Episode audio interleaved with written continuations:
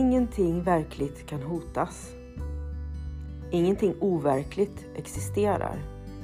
Här i ligger Guds frid.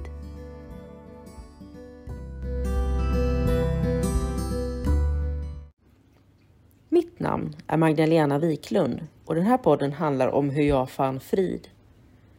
Allting har sin grund i Helen Schuckmans uppenbarelser då Jesus dikterade det som sedan skulle bli boken en kurs i mirakler för henne.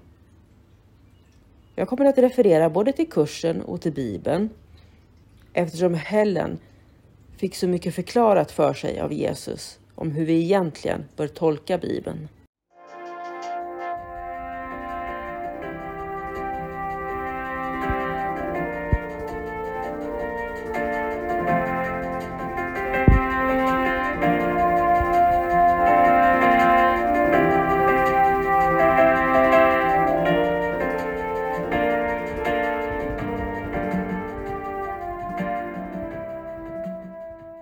Välkommen till lektion nummer 5 i en kurs i mirakler. Jag är aldrig upprörd av den anledning jag tror. Denna tankegång, liksom den föregående, kan användas på vilken person, situation eller händelse som helst som du tror orsakade smärta Tillämpa den specifikt på allt som du tror är orsaken till din upprördhet och använd den formulering som du tycker passar bäst för att beskriva den känsla du har. Upprördheten kan tyckas ta sig uttryck i rädsla, ängslan, depression, ångest, vrede, hat, svartsjuka eller ett otal andra former som alla kommer att varseblivas som olika. Detta är inte sant. Men innan du har lärt dig att formen inte spelar någon roll blir varje form ett lämpligt objekt för dagens övning.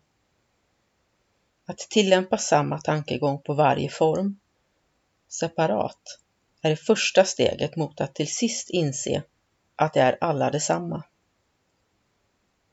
När du använder dagens tankegång på det som du varse blir som en specifik orsak till någon form av upprördhet, använd då både namnet på den form av upprördhet som det handlar om och den orsak som du tillskriver den.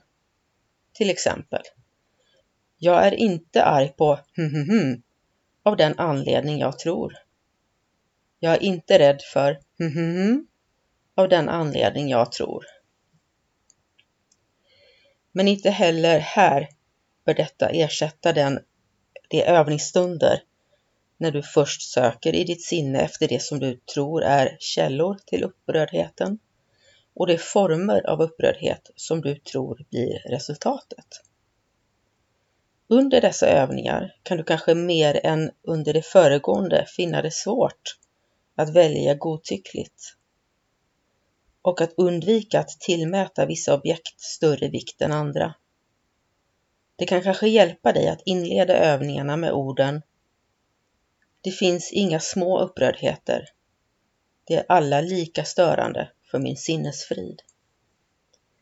Sök sedan i ditt sinne efter allt som gör dig olycklig, oavsett hur mycket eller hur lite du tror att det gör det.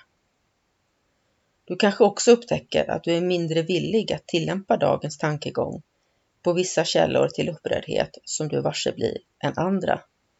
Om detta sker, tänk då först på detta.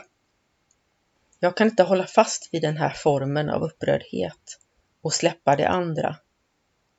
Med tanke på syftet med de här övningarna kommer jag därför att betrakta dem alla som samma. Sök sedan i ditt sinne under ungefär högst en minut och försök att identifiera ett antal olika former av upprördhet som stör dig, utan att ta hänsyn till den relativa betydelsen som du kan ge dem. Tillämpa dagens tankegång på var och en av dem och namnge både källan till upprördheten så som du varse blir den och känslan så som du upplever den. Ytterligare exempel är Jag är inte orolig för hm, hm, hm, av den anledningen jag tror. Jag är inte deprimerad på grund av mhm, av den anledningen jag tror. Tre eller fyra gånger under dagen räcker. Tack!